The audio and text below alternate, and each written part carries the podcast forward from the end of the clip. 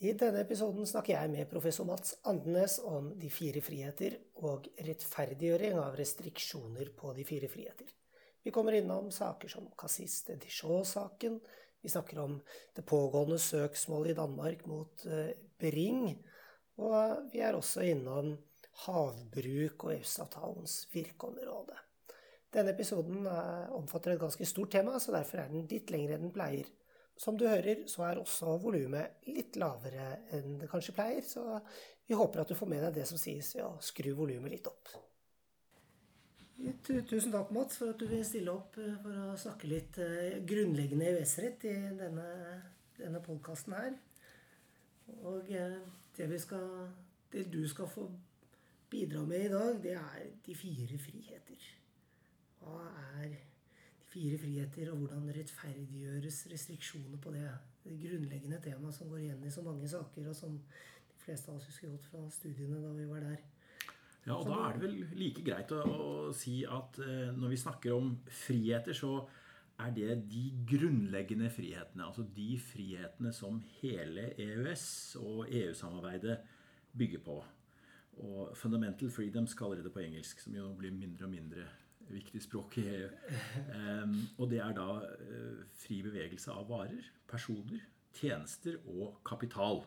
Og det er jo, om du vil, uh, grunnlaget i en hvilken som helst økonomi. Og det er jo det, det, er jo det Karl Marx skriver om, ikke sant? Altså, um, og uh, neste spørsmålet blir jo da kanskje altså Er vi med på alt dette? Er frihetene, disse grunnleggende frihetene de samme i EU og EØS. Og mm. et av mine fag er selskapsrett, og der er det, der er det de samme. Ja. 100 Jeg kan ikke tenke meg noen forskjeller overhodet.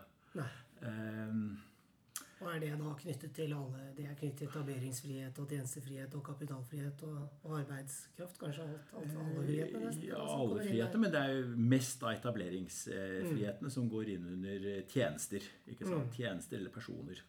Du har, det, har du da etableringsfriheten. altså Som person så kan du jo etablere deg som, eh, som arbeider. Ja. Men du kan også etablere en virksomhet. Mm.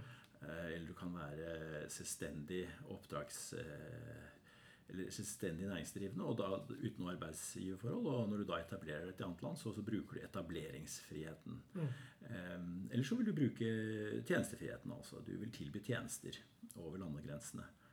Og, og, og, da er det bare slik å, For å gjøre det helt enkelt de er de samme i selskapsrett, og de er slik i, i, på mange områder.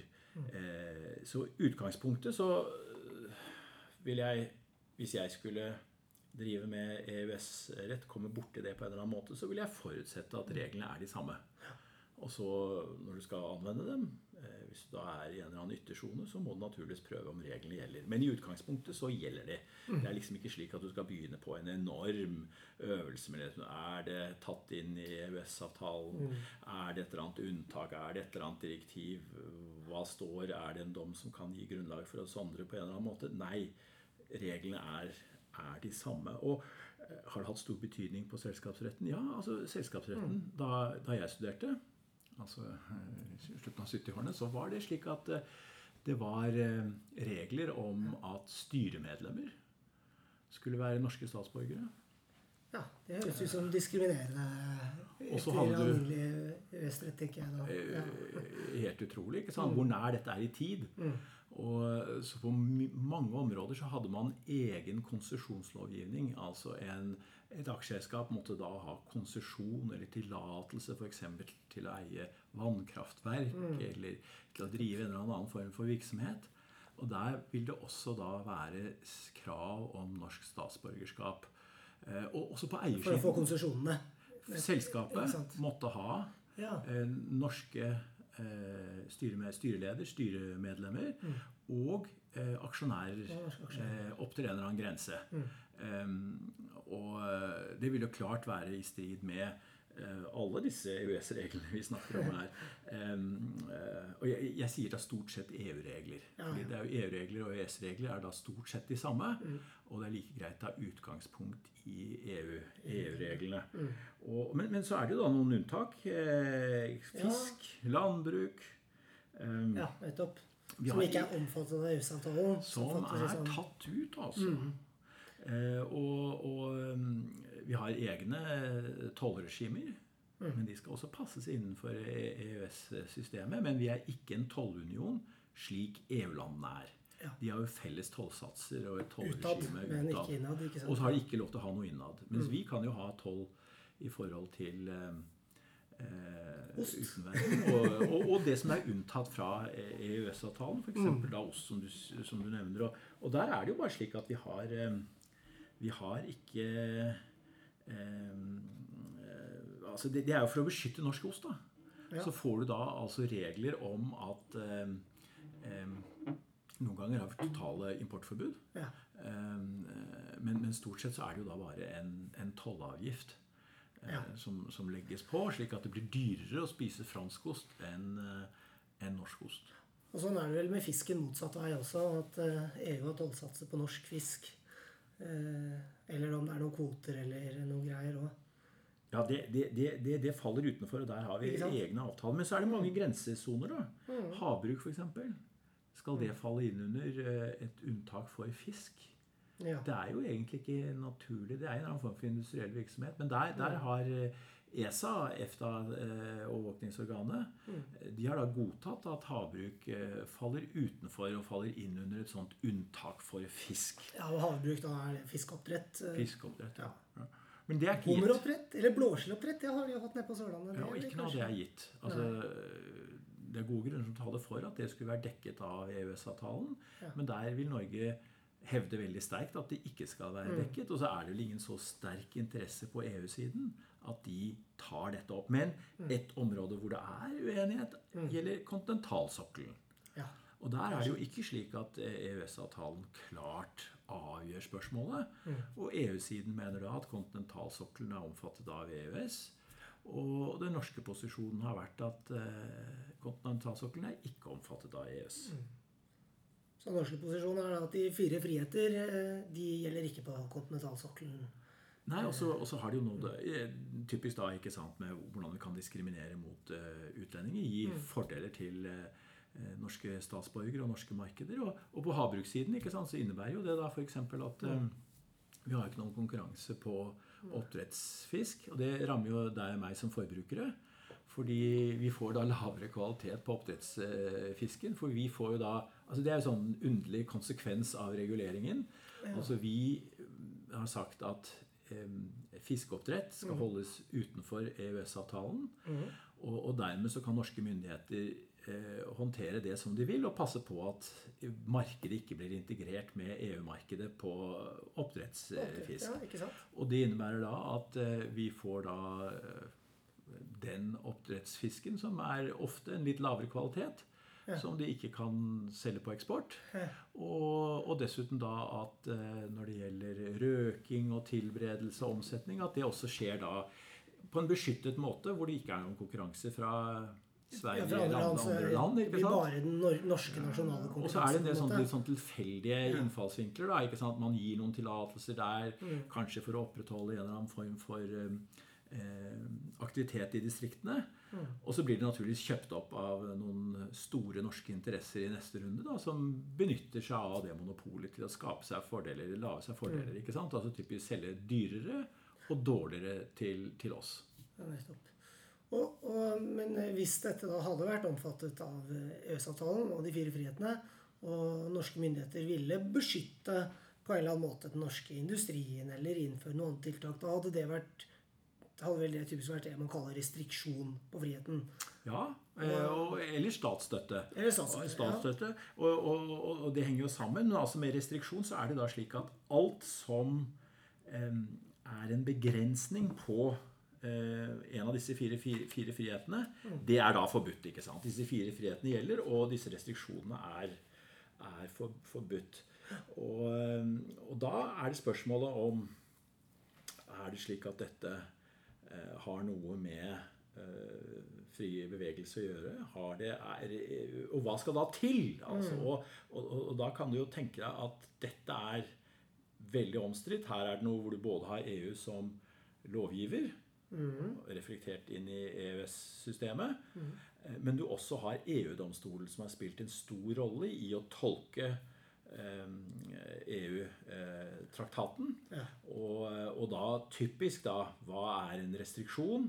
Og eventuelt, hvis det er en restriksjon, kan den rettferdiggjøres? Og ja, altså Dette er slik at når du leser EU-retten for første gang, så blir du litt overrasket over hva som kan utgjøre en restriksjon. Ja, det mener jeg å huske at jeg hadde tenkt og, jeg leste Og da vil de fleste jurister som ikke kan noe EU-rett, eller som kan den dårlig, de vil liksom tenke seg at her er det en veldig høy grense.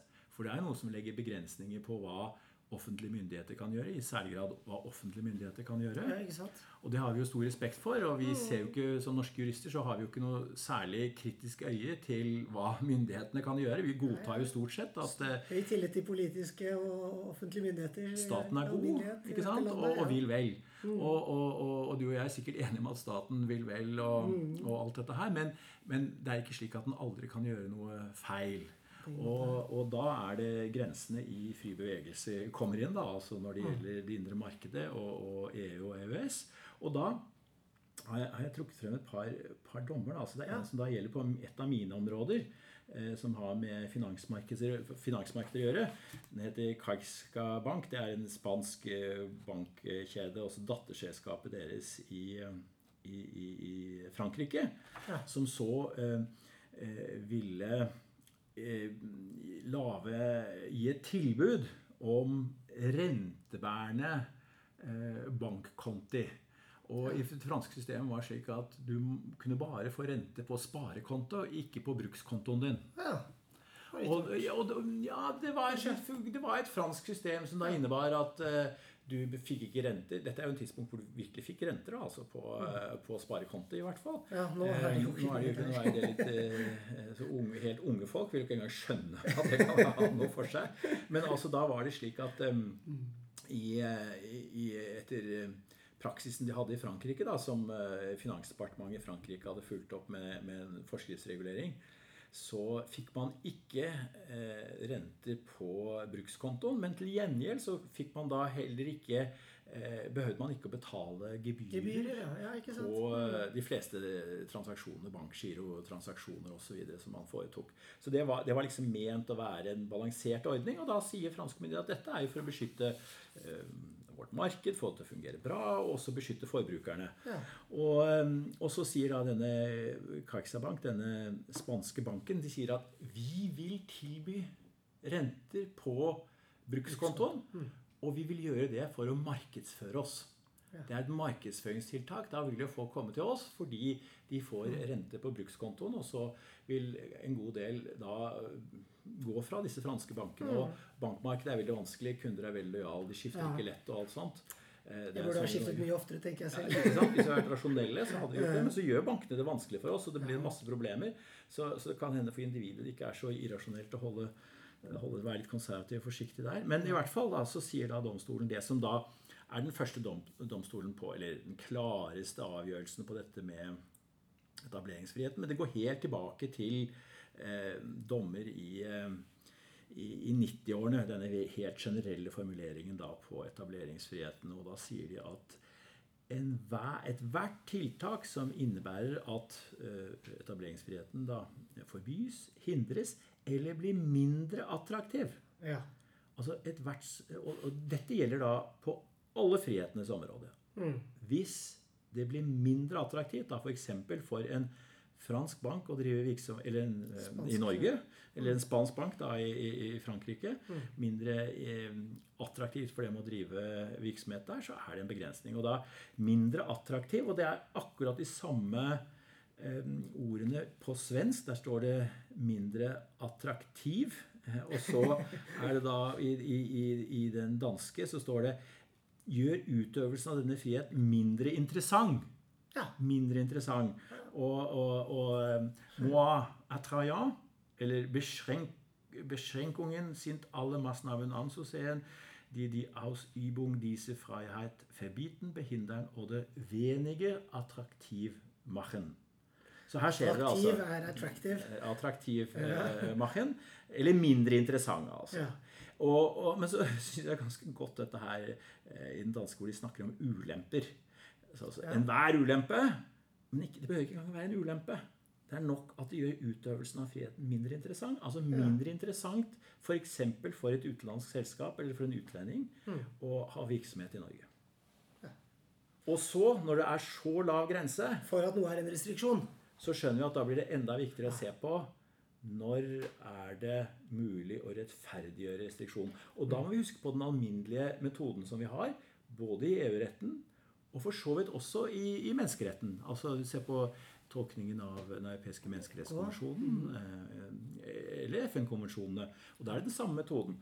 At man skal tolke retten utvidende, menneskeretten utvidende, og grunnlaget for restriksjoner innskrenkende. Ja, ikke sant. Og der kan du tenke deg advokater på den andre siden som vil si at nei, det holder ikke. Det har ikke noe av, Men det har det. Ja. Altså, det er det alminnelige utgangspunktet. Så enhver som har lært seg grundig EU, EØS-retten eller eh, menneskerettsfaget, de vet at slik er det. Altså utvidende på retten, innskrenkende på, på, For å på en måte gi disse grunnleggende frihetene eller menneskerettighetene på menneskerettighetsplanet du kan si maksimal effektivitet på et vis. da. Gi dem, Gjøre dem effektive. Og, og, og, og, så- så kan vi da se litt på at det er jo en del unntak. ikke sant? Altså, Det må jo være en hel haug av unntak. egentlig. Masse unntak. altså Vi må huske på at for Norge så har vi jo EØS, og da, da har vi jo begrensninger på alkohol f.eks. Som gjør at vi har eh, Vinmonopolet, som hvis stilling er noe uklar under EØS-retten, men vi har Vinmonopolet. Og, og, og, og, men, men, men vi har Det var tilfeldigvis på på um, Politisk eh, kvarter Ja. eh, i går, var det vel. Eller var det Dagsnytt 18? Det var altså eh, Dagsnytt 18 var det. Eh, og da var det altså eh, spørsmålet om eh, disse trailersjåførene. Og Ja. lønn for trailersjåfør. Hørte du også det? Nei, jeg hørte, jeg hørte Geir Mo, generalsekretæren på radioen. eh, Generalsekretæren i da, de lastebileierforbundene. Ja, nemlig. Nemlig. Og det som da skjer, er at det er en rumener Mhm. som da eh, bor i Slovakia, Mhm. og så ansetter et slovakisk selskap ham. Ja. Og så tar de og kjører ham til minibuss, i minibuss til Danmark. Mm. Og så eh, gir de ham en trailer der. Og så kjører han trailer i Danmark, i Norge og i Sverige. Ja.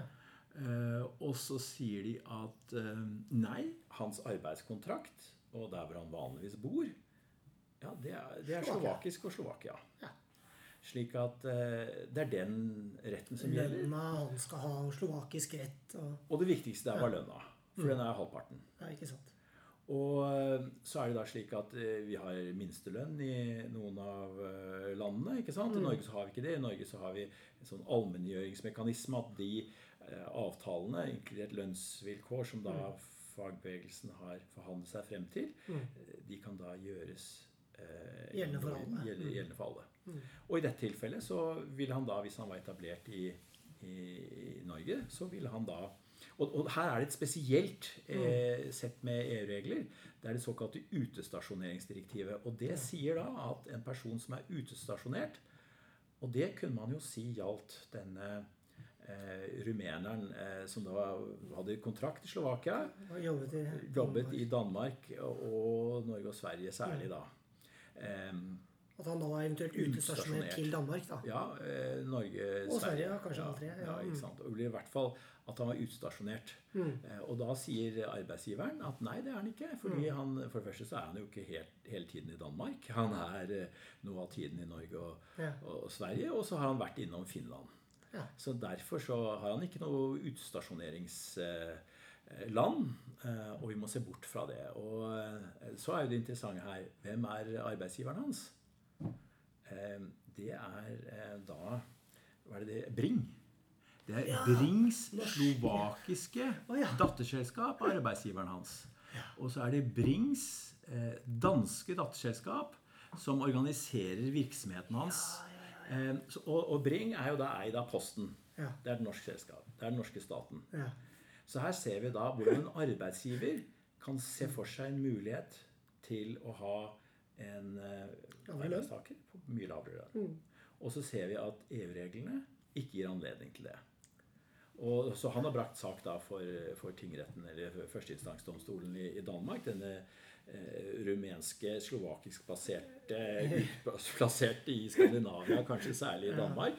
Han har brakt sak for da å få eh, tilbakebetaling eh, Høyrelønn, per millioner eller ikke noe sånt. Så svære, svære summer. Og hvis han vinner, så vil det være andre i hans situasjon. Og det gjør Bring da. Da bruker jo de noen av de beste advokatene for å nedkjempe. Men da er det heldigvis så mange penger, og fagbevegelsen står på den eh, sjåførens side. Så det blir ikke helt ubalansert. Eh, Slik at eh, det kan hende han, han får sin rett. eh, Som jeg har sett kort på saken, mener han helt klart bør få her. Ja, da. nettopp. Ja, så der, men der ville jo utgangspunktet i de fire frihetene vært at han har rett til å yte arbeid, sin arbeidskraft i Skandinavia. Hans arbeidsgiver, i, ja, som da blir Slovakia, har rett til å yte tjenester etter de fire friheter i Danmark og Sverige og Norge. Og så har du da noen sekundærrett i EU som da gir ekstra beskyttelse til arbeidstakerne i disse tilfellene. da, For utestasjonerte arbeidstakere som du kan si da legger en form for begrensning på det slovakiske selskapets rett til å yte tjenester på slovakiske vilkår i Danmark og Sverige og Norge. Men så kan du jo si at eh, hvis du da tar utgangspunkt i arbeidstakerens retter, så har han retter etter dansk rett. Ja. Og så har han og så har han vært i Norge, så hadde vi jo sagt at eh, du skulle hatt denne allm- allmenngjøringen. Eh, Og at han da skulle få rett til den minstelønnen som eh, eh, fagbevegelsen hadde forhandlet seg frem til eh, når han drev virksomheten her. Eh, Men dette EU-utstasjoneringsdirektivet gjør dette helt klart Ja. eh, som en EU-rettslig primærkilde. slik at da blir det enda enklere. Men du kan jo tenke deg at i et indre marked så er noe av målet å, å få fri bevegelse, ikke sant? Ja. Og det innebærer jo da at, eh, at hvis noen kan konkurrere på lønn, så må de få lov å gjøre det. Ja, ikke sant? Ja. Så det, du kan si at det er en viktig del av EU-retten, og da må du vurdere om det finnes noen uh, grunnlag for unntak her. Og da er hensynene f.eks. bak eh, minstelønn, da, eller i de land hvor du har det, eller hensynet eh, til at du skal ha eh, et rimelig lønnsnivå eh, ut fra sosiale hensyn. Noe som kan tas hensyn til. Ja. Eh, og, og som kan rettferdiggjøre inngrep. Og når EU da gjennom dette direktivet har eh, gitt retter til utstasjonerte, så slår jo det igjennom. Og da er jo det ikke noe for oss å tenke på. Da Nei. må vi bare anvende dette direktivet. Men så kunne man tenke seg at direktivet ikke var der. Og så hadde du bare Og så gikk han til søksmål da i Norge basert på de norske reglene og sier at her er det en allmenngjort tariff. Jeg skulle hatt høyere lønn her. Da ville du vel ha fått eh, Hvordan hadde det på en måte da blitt i en EU-rettslig sammenheng? Ja, det, Da vil vi hevde av norske myndigheter og fagbevegelsen og de fleste som vil behandle dette fra norsk side, de vil jo da hevde at eh, her er det grunnlag for et slikt unntak. Og for å håndheve en slik allmenngjort eh, lønn. Men det reiser spørsmål, og du kan da tenke deg, hvis du har noen som er inne og yter en tjeneste veldig kort tid eh, I vår tid, eh, hva er balans... Hva, er eh, å være eh, eh, altså, hvor, hvor, leverer du arbeidet, ikke sant? Eh, eh, og, og, og, og da over kommer det internett, f.eks. eh, Mye er skjer over internett. Da er det vanskelig å, å da er det veldig vanskelig å håndheve nasjonalt eh, lønnsnivå på noen Ja, måte, eller andre sosiale ytelser. Og hvis det er korte turer hvor man gjør en tjeneste, reiser tilbake, det må du ha anledning til. Mm. Men hvis du er utstasjonert da, altså i lengre tid, det er, jo, det er jo en anvendelse av de alminnelige prinsippene i det direktivet. Mm. Um, hvis du da uh, altså, Vi vet jo at mange norske selskaper bruker denne teknikken med å ha utlendinger i, med arbeidskontrakter i andre land. Og så, blir det da billigere fordi eh, lønnsnivå og sosiale ytelser er, er lavere i de andre landene. Det er derfor de velger disse andre landene.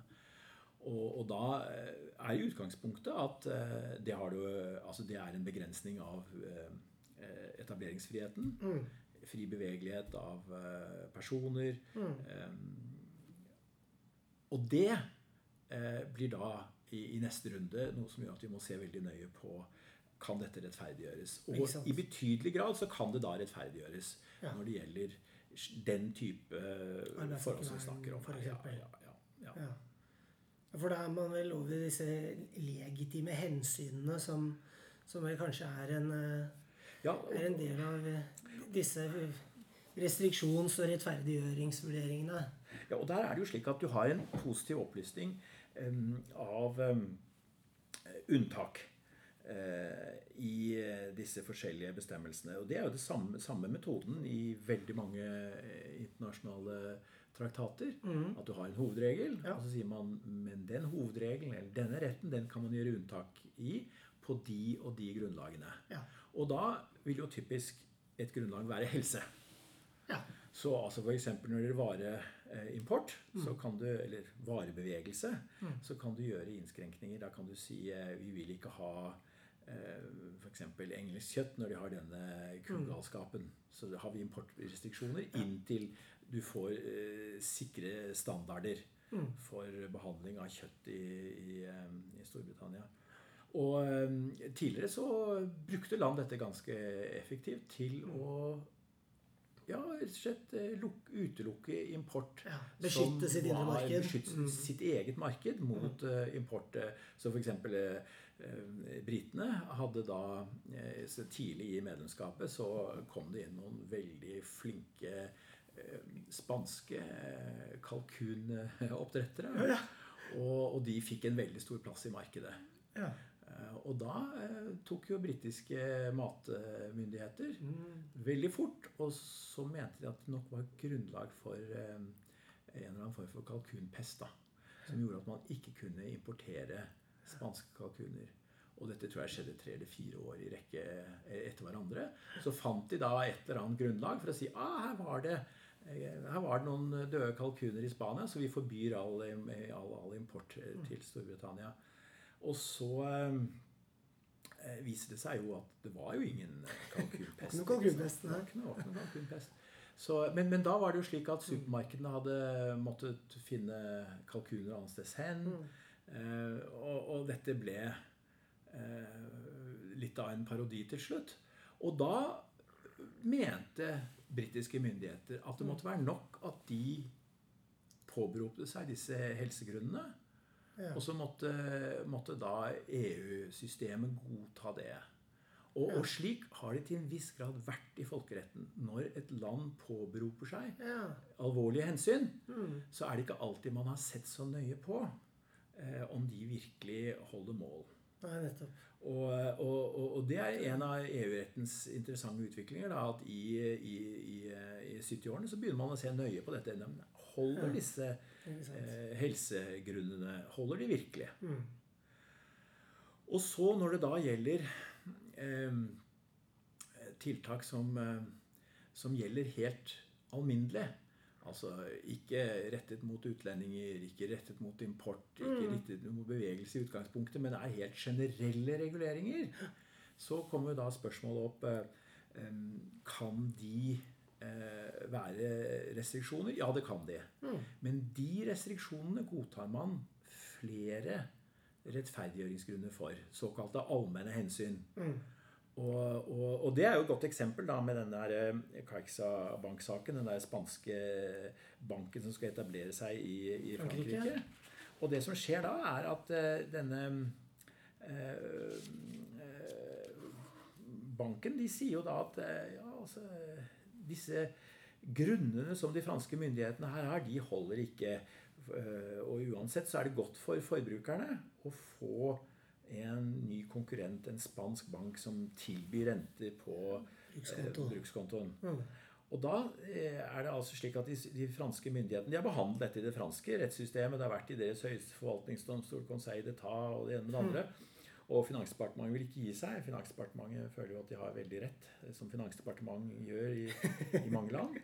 Og, og, og jeg har arbeidet der i mange år selv, så jeg vet at de som oftest har rett. Men ikke alltid. Og da, da er det altså at eh, EU-domstolen da går inn og så sier at ja, nei, her gis det grunner. Forbrukerbeskyttelse. Dette er en fin balanse i, i forhold da mellom bank og kunde, og begge får og Dette er en gunstig ordning. Så sier de ja, men det er allikevel ikke nok, sier de da. Det er ikke nok. Dette er ikke gjort Nei. av noen dårlige hensikter. Hensikter? Nei, nei. Tvert imot. Det er eh, gode folk, kjempesmarte folk i Finansdepartementet som har arbeidet sammen med bankbransjen lenge for å få til noe som vi ikke har noen grunn til å være kritiske til overhodet. Men det er bare ikke nok.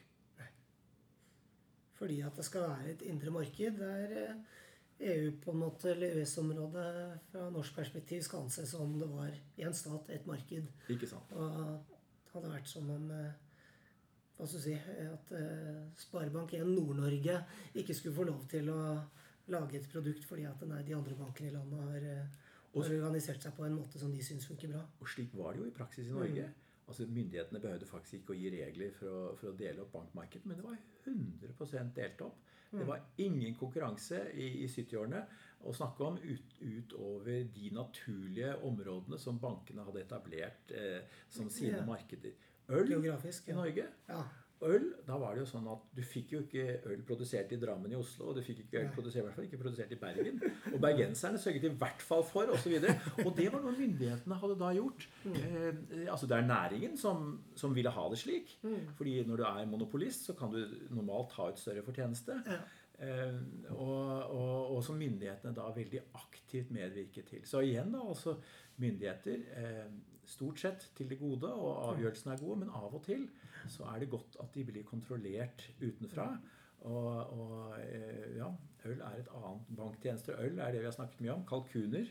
Altså det er alle livets forhold. Så kan du få slike eh, løsninger som eh, myndighetene da eh, enten aktivt eller litt motvillig ute press fra næringen har, har, har gått med på. Og jeg kommer, det er jo mer øl og brennevin her senere òg, fordi Ja, du har jo spurt om, du spurte om denne Cassis de Ja, ja, ja, jeg Og det er på forhånd om du kunne ta den, for det er jo en dom som mange husker godt fra studiet, eller husker godt at man var, brukte tid på den. Så er det kanskje ikke så mange som egentlig husker lenger hva den handlet eh, nærmere og, om. og, dommen heter Reve Sentral Ja. mot uh, Bundesmonopolverwaltung für Brandwein. Og det er altså da mm, den tyske myndigheten som driver med regulering av brennevin. Og der var det slik at Cassis de Dijon, som er, som er denne solbærlikøren, Likøren, ja, veldig god, helt utmerket sak, den hadde da eh, mellom 15 og 20 alkoholinnhold. Ja. Mens da eh, myndighetene i, i, i Tyskland hadde bestemt at eh, fruktlikører dette var en fruktlikør, Mm. skulle ha mer enn 25% alkohol. Og du kan tenke deg mange grunner til det. Ja. Altså, I Norge så hadde vi heller sagt et tak på alkoholen, men altså, det hadde noe med kvalitet å gjøre. ikke sant? Ja. Og alkohol var da dyrere. ja, ok. Slik at du skulle ha den garantien. Mm. At uh, den holdt et minsteinnhold hvis det var Hvis du brukte navnet likør. Altså eller fruktlikør. Og da sier da eh, tyske myndigheter at eh, her vil jo forbrukeren bli lurt. De vil jo tro at dette er eh, fruktlikør. Mm. Det er jo ikke fruktlikør i den tyske forstanden. Fordi det har under 20% Og det EU-domstolen sier her, er ganske interessant, for den sier da at Ja, og de påberoper seg helsegrunner òg. Ja, tyske myndigheter påberoper seg helsegrunner. Helsegrunner, ja. Og hvordan kan du påberope deg helsegrunner ved at eh, du skal høyere, få høyere alkoholprosent? Jo, de, de, har, Er det som kjøper det, da, kanskje? Jeg vet ikke. de har de kronglete resonnement Ja. som går på at igjen, det blir billigere og lettere tilgjengelig. Og Mm. dessuten så skjønner du ikke hvor mye alkohol det er, og så er det noe annet. Og på en eller annen måte så skal det da eh, gjøre deg mer eh, alkoholisk Drikkfeldig. eh, og da sier domstolen veldig greit at den er jo i fri omsetning i Frankrike. Ja. Og eh, da er det en forventning om at det ikke er noen helsefare Mm. i dette produktet. Det er en veldig høy terskel Mm. før eh, da de tyske myndighetene kan komme unna med at dette innebærer en helseterskel. Husk, husk på disse kalkunene. ikke sant? Altså Mm. Ja, Myndighetene har ja, påberopt seg. Mm. Altså I EU-retten så er det jo typisk myndigheter som lurer seg unna. Så EU-retten er ikke noe hyggelig fag for folk som jobber på myndighetenes side alltid. Fordi myndighetene kommer jo ofte dårlig ut av det. Ja. Ikke sant? De store sakene så har jo myndighetene tapt. altså typisk fordi, Men så er jo EU-retten også et veldig viktig redskap for myndigheter. Og, og dette er bare da i ytterkantene i disse Mm. litt dumme sakene. Og vi har jo én sak til, da, hvor, hvor altså de ikke vil tillate Tyske myndighetene vil ikke tillate eh, fransk øl. Nei, de gjør ikke det, nei. Fordi de har dette gamle Reinhardsgebot, Ja, som de hevder er fra eh, 1516. Altså Renhetsloven. er det- renhetsloven. Ja, og liksom da sier de at eh, du skal bare ha liksom korn, da, og så hva er det for noe annet du har Humle og malt, Humle og malt, ja. Humle og malt. Korn, humle og malt. Uh, er det bygg? Grønn? Bygg, humle Ja, i hvert fall. sier de det skal bare være det. Ja. Og vann. Og vann. Og så eh, har du da andre ting. Eh, mais, ris, tilsetninger i det franske ølet. Og så bruker de helsegrunner. Og der har de et motargument som er ganske interessant. Hvem, hvem har Eh, tyske myndighetene. Ja. Fordi de sier da altså Ja, nå, nå, vil jo dere bare bruke kassister til å se på oss og sånn, sier de. ikke sant? Men det kan dere ikke fordi at um, vi tyskere vi drikker så mye øl. Oh, ja. Så, så det, de små tilsetningene som ikke har hatt noe særlig betydning for franske folk, som jo drikker en del vin og andre ting, det vil få skrekkelige konsekvenser for oss. Fordi vi tyskere vi drikker så mye mer. Så her blir det et folkehelseproblem. Ja. Og så tenker du deg dette er jo helt latterlig. Ja. Nå gjør vi jo litt narr av det. Ja. Eh, men det innebærer ikke at det ikke er latterlig når du leser det i det rettsspråket som den tyske regjeringen da har gitt dette. Ja, ja. Det er latterlig. Og, og det vil du se mange av disse sakene. Du ser Mm. også Norge i EFTA-domstolen. Der er det ikke, ikke helt uvanlig at eh, Norge kan komme med argumenter som du og jeg må bare si dette er rett og slett for latterlig. Men altså regjeringer i denne sammenhengen, eller deres jurister, Mm. de har ingen skam. De sier ting som de vet Nå skal ikke jeg si at de skal gjøre ting mot bedre vitende, og sånn, for det tyder på uærlighet. og sånn. Men det er, og det, det, det er ikke det jeg mener. Men du føler liksom at du er i den gode saks tjeneste. Og da uten å ta så alvorlig på det, så kan du hevde ting som eh, kanskje andre ikke ville føle var like godt saklig begrunnet. Det ligger jo litt i advokatrollen, det å kaste på de anførslene man tenker at i det minste er prosedable, om man så ikke har så mye tillit tro på at det vil fly. Men altså den tyske advokaten her, han sa 'jeg var statens'. 'Jeg er staten', sier han. Ja. Den tyske staten hevder. Ja, ja. Og da vil jo jeg føle seg være tysk borger at de argumentene der Ja, ja, du lenger ut på landet med. ASA. altså. Rett og slett. altså, Det er ikke bra, det Mm. der. Men da er det EU-domstolen er der, og for så vidt EFTA-domstolen, og, og i litt mindre grad norske domstoler. Fordi Mm. de er jo litt sånn som oss. De tror jo at eh, staten er god og bare vil vel. Og, og, og, som vi sier, altså, det innebærer ikke at de alltid har rett i disse marginale sakene vi snakker om her. Mm. Eh, Men, men eh, dette med allmenne hensyn er, er viktig. Og, og- det neste som da kommer inn, er jo at i EU så stiller man krav om at alle disse begrensningene, alle disse inngrepene, må være forholdsmessige. Og det, Så for eksempel Reinheitsgebrottloven. Det var et inngrep, da. Begrensning på, på salg, og så må det være Helse- helse, sier de. Kan man kanskje si at ja vel, det er kanskje legitimt ut fra helsegrunner, men det må da være proporsjonalt, og er dette her virkelig nødvendig? For å, for å beskytte helsen Og det var det klart ikke. tyskerne. Ja, til de, de veldig tungt drikkende tyskerne. Ja. Vi ser, vi ser dette for oss, gjør vi ikke det? Jo, ja. Og så ser vi også advokaten som er kjempealvorlig når han fremsetter disse argumentene på Tysklands vegne. Og da, da, da er det slik at eh, du har eh, en dom da fra 1990, Fedesa, som er kanskje den beste EU-rettsdommen da fra EU-domstolen, som Mm. Forklarer hva som ligger i forholdsmessighetskravet. Og, og da sier den altså Jeg har den på engelsk her. altså The lawfulness of the prohibition um, er da subject to the condition that the uh, prohibitory measures are appropriate and necessary. De skal være altså uh, nødvendige for, eh, for å oppnå det målet som lovgivningen forfølger. Altså helse, da, f.eks. Mm. Um, og um, det gjaldt også her i denne Fidesa-saken. Appropriate, er eh, egnet. Egnet, det. egnet og nødvendig. ikke sant? Mm. Egnet og nødvendig. Og, og, og så til slutt, da. When there is a choice between several appropriate measures, Mm. must be had to the least onerous. Altså, da må du altså gå til det for den minst inngripende eh, av, alter, av flere alternativer. Hvis det er flere alternativer. Og så det aller siste at eh, inngrepene må ikke være uforholdsmessige. Og Er det dette, det siste, er det sånn proporsjonalitet i snever forstand som det har vært? eh, Jeg har skjønt at noen liksom utlegger disse, denne proporsjonalitetsvurderingen på litt, litt Det er nyanser i hvordan de legger den ut, og noen snakker om proporsjonalitet i snever forstand, og noen sier at nei, det er egentlig ikke en side her. og Kunne du, kunne du forklart dette? Ja, altså du begynner da altså tar hele, hele, hele rekka, ikke sant, så, så må du jo da for det første finne at det er en eh, et unntak eh, som du kan bruke. ikke sant? F.eks. beskytte helsen, folkehelsen.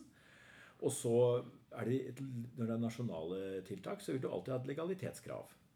Ja. Du må ha lovhjemmel, den må være tilstrekkelig klar og presis, og er inngrepet alvorlig nok, så må- kan den f.eks. Eh, måtte være i lovgivning gitt av Stortinget. Det er ikke nok Ja. å ha den i en underordnet forskrift. Sant? Så det er legalitetskravet. Og så eh, går du da løs på dette med nødvendig og, og forholdsmessig. Og, og, og så har vi normalt da tre, tre vilkår. ikke sant? Altså Inngrepet må være egnet. Og så må det være nødvendig. Og så må det stå i, i Så må du velge det minst inngripende, da. ikke sant? Det ligger i dette. Og så det siste vilkåret da står i forhold til det som oppnås. Og da typisk så har du da hensynet til eh, vern av, eh, av helsen. Det må da balanseres mot eh, samfunnsinteressene i en videre forstand, eller fri bevegelse i en videre forstand. Så, så, så på en måte så har du da tekniske, veldig presise eh, avveininger som du foretar. ikke sant? Er det, er det, er det egnet? Altså, Vil det virkelig fremme helsen? Eller, ja, og, og, og da har du tyrk, disse, disse, disse kalkunene. ikke sant? Kalkunforbudet var jo ikke egnet engang. Nei, det var ikke sant? Det var bare tull. Ja. Um, Selv om kanskje noen vil argumentere for at det var en form for sånn Føre føre-var-prinsipp på det. Og da, men, men, men like, tre år etter Ja, hverandre, ja, ikke sant? Da- Og akkurat det Det samme. holdt kanskje første året, men ikke Du, det de var jo så fornøyd, disse kalkunprodusentene I i England? i England. De var jo så lykkelige over at myndighetene hjalp dem. Og du må huske på det at myndigheter føler jo ofte at de har en plikt til å hjelpe sin egen industri. Ja, det er jo de som velger det, på en måte. Altså, det er jo Ikke sant? borgerne i sitt land som velger det. Så det Så Derfor er det veldig lett for oss å tro at staten er god. ikke sant? For staten er jo som oftest på vår side. Mm. Ja. Den er sikkert mot deg av og til òg, og mot meg av og til, men ikke ofte. Stort sett er den på vår side. Mm. Hvis vi var en utenlandsk eh, næringsdrivende, eller en utlending som skal ha jobb her, Mm. eller en flyktning, eller Da er jo staten veldig mot, Mm. eh, mot oss. ikke sant? Og det må vi huske på at det perspektivet eh, det innebærer da at eh, myndighetene vil arbeide for i Storbritannia da altså for britiske Kalkun. kalkunprodusenter. Mm. Og de som drev med omsetningen, liksom fikk dem inn i, inn i eh, dette eh, stormarkedsrushet før jul, ikke sant. Mm. Altså, ja, ja. Og, og, men det siste, da, det, det, er en, det er en mer generell eh, avveining, da. Og du kan jo tenke deg at et tiltak som da kan være eh, hjemlet og alt og falle inn under. Det er helse, ja. ja. Det er for å fremme helsen. Det er egnet. Eh, de har valgt det minst inngripende tiltaket. Men så kan du fortsatt tenke deg på slutten at dette blir noe som vil lage et for stort inngrep i, i fri bevegelse. Og, og eh, da er EU-domstolen slik at den tar ikke alltid alle disse trinnene. Nei. Heller ikke EMD gjør det. Nei. Eh, Og EFTA-domstolen er, er jo stort sett eh, er jo ofte, ofte litt grundigere på disse tingene. Men selv den vil ikke alltid eh, gå gjennom alle disse trinnene. Så den vil da si fordi her er jo disse forholdsmessighetskravene der, der må jo svaret være ja på alle disse forskjellige leddene. Disse tre leddene. Først med hjem, hen, riktig hensyn, helse eller hva det er. Riktig Eh, så må du ha, må du ha hjem, eh, lovhjemmel, og så begynner disse tre forholdsmessighetskravene. Alle må være der. Ja. Ikke sant. Og da er det nok i og for seg for domstolen å si at nei, men det er der ikke. Så tar de ut ett, og så er du ferdig med saken. Ja, ikke sant. Håper det er gjerdet er lavest, som domstoler ofte gjør. Ja, og det, og det er jo riktig. De skal jo ikke behøve å ta stilling til en masse unødvendige ting. Ehm, og det er jo spennende med forholdsmessighet. Og, og du kan si at det er blant de spørsmålene vi har i, i norsk rett ellers. Fordi det kommer jo inn gjennom Grunnloven. Ja. Og eh, så eh, kommer det jo inn gjennom eh, naturligvis EU, EØS-retten og menneskerettene. Eh, Men det er mye lovgivning ellers som stiller krav om forholdsmessighet. F.eks. For utlendingsloven har veldig Ja. alminnelige forholdsmessighetskrav. Eh, Varetektsfengsling. Der er Varetektsfengsling det en forholdsmessighetsvurdering om du skal varetektsfengsle. Mm. Um, og sivilprosesslovgivningen den bygger veldig klart Ja, på forholdsmessighetskrav. Så det kommer inn, og vel, Når det gjelder forvaltningssanksjoner, så kommer det inn. Eh, veldig mye lovgivning viser til forholdsmessighet. Fordi det er uh, en veldig grei regel, og noen vil si den er grunnleggende i en rettsstat. Og i, hvis du ser på EU-systemet, da, så har de tatt inn eh, i eh, EU-traktaten i artikkel 5-4 eh, Og eh, der eh, er det nå altså en uttrykkelig eh, henvisning til Eller om Til traktatfesting. Ja, ja, av proporsjonalitetsprinsippet. Av proporsjonalitetsprinsippet, ja. Mm. Og og det er viktig, så da kan du ta det som utgangspunkt. Mm. Men, men det, det, ligger da i alle disse frihetene så det, ligger det et slikt forholdsmessig forholdsmessighetskrav. Og det er, det er da eh, tolket inn i, i, EMK. Så er det uttrykkelig i traktaten. For der står det at eh, inngrep bare er lov i visse retter mm. eh, dersom eh, de er necessary in a democratic society. society ja. Mm. ja, nettopp. Så er det en liten det er, Men er de kan man si at det er eh, altså, Selv om du har proporsjonalitetsvurdering, så er det noe med hvor intensiv kan du si, hvor uh, intensiv prøvingen er. Ja. Uh, kan du si noe om det? Fordi at uh, Ja. Det, det, vil jo være, iallfall vil jeg tro, fra myndighetshold og fra politisk hold, så man jo, vil man jo ikke være noe glad hvis en domstol sier at dette, jo da, denne, la oss si Kaisha Bankvik-tilfellet jo da, det var et, det følger et legitimt formål å begrense adgangen til å gi rente på bruks, brukskonto. Og det er for så vidt et uh, egnet tiltak for å sikre en god balanse og forbrukerbeskyttelse og sånt noe. Uh, og jeg kan ikke egentlig si at det nå er noe umiddelbart mindre inngripende tiltak som kunne gitt en like god beskyttelse. Men så kan det hende at de da kommer til at ja, men likevel, for å ha et indre marked der folk skal kunne tilby de tjenester de vil, så er dette her uforholdsmessig ut fra et sånt du kan si, indre markedperspektiv. Eh, og da vil, jo, vil, jeg jo tro at franske myndigheter steiler og sier ja, men ærlig talt Dere sier jo at dette er et godt forbrukerbeskyttende tiltak. Hvorfor skal det da Hvorfor skal dere, domstolen, sette til side vår på en måte, vår du kan si, et gode og legitimt og godt begrunnede egentlig tiltak for å beskytte forbrukere og få en god balanse mellom forbruker og bank i, i, i, banksektoren. Det er vel kanskje der du særlig får ja. konfliktene, kan du si, da, om jeg vet ikke, domstol og politikk og domstol og myndigheter. Eh. Og EU-retten EU gir jo da ikke, ikke noen uh, generell uh, begrensning. Reglene gjelder. Det er ikke noen alminnelig skjønnsmargin for myndigheter. Reglene gjelder. Men så gjennomføres de på forskjellige måter. De gjennomføres gjennom EU-lovgivning, gjennom mm. nasjonal lovgivning. Men hvis da nasjonale myndigheter kommer på kant med EU-retten, så mm. gjelder det ingen alminnelig skjønnsmargin for de myndighetene. Nei. men det gjelder jo for så vidt heller ikke under EMK-retten. Men det er jo begrensning for hva domstolene i EU-retten eh, e ja. eller i, i, Den europeiske menneskerettsdomstolen gjør. Mm. Eh, fordi de er jo fjernt eh, fra det faktum som da mm. ligger der i, i ja, ikke minst preliminary rulings, hvor de selvfølgelig ikke tar stilling til faktum på den måten. I saken, bevisbedømmelse. Ja. Mm. Men, det er, det, men også dette må tenke seg at det er en alminnelig skjønnsmargin som kan brukes mm. som et handlingsrom mm. på en eller annen aktiv måte. Mm. Det gir ikke EU-retten noe grunnlag for. Og, og, og også MK-retten eh, er jo veldig begrenset der. Mm. En annen sak er jo da altså Selv nasjonale domstoler føler jo begrensninger. begrensninger. Fordi de sier vi er en domstol, her er det mm. politiske vedtak kanskje, eller sånn. forvaltningsvedtak. Um, og så ser de da på, på, dette som best de kan. Og uh, da, da, tror jeg det er viktig å, å, å, å, se for seg at dersom man hadde en vid skjønnsmargin, et vidt, vidt handlingsrom da, for nasjonale myndigheter, som dette i første rekke dreier seg om, mm. ja, da ville EU-retten fått veldig liten gjennomslagskraft. Eh, for da vil det være et viktigere nasjonalt hensyn. Altså at du skal mm. beskytte kalkunprodusentene i Storbritannia. Ja. Uh, og så kan det hende at uh, det er mange gode grunner for det. Ja. Men plutselig så tar du da bit for bit ut av friheten og det indre markedet, og så sitter du igjen med veldig lite. Mm. Og da kan du tenke deg at vi som et lite land er i en særstilling. fordi vi har jo særlige fordeler av uh, dette overnasjonale samarbeidet i EØS. Og det er veldig viktig for oss da at vi lojalt innretter oss, slik at ikke mm. dette kan brukes mot oss i forskjellige politiske sammenhenger senere. Og akkurat der så har vi jo nå en stor uenighet som er mm. knyttet f.eks.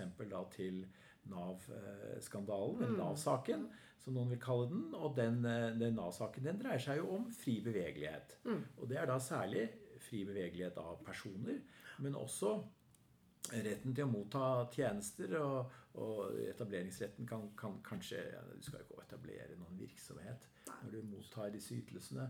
Så, så det er vel i første rekke de, de frihetene. Og, og, og, der er det positiv EU-regulering. sant? Vi har en forordning som da ikke ble fulgt. Og, så er uenigheten da om hvor uh, omfattende disse bruddene har vært.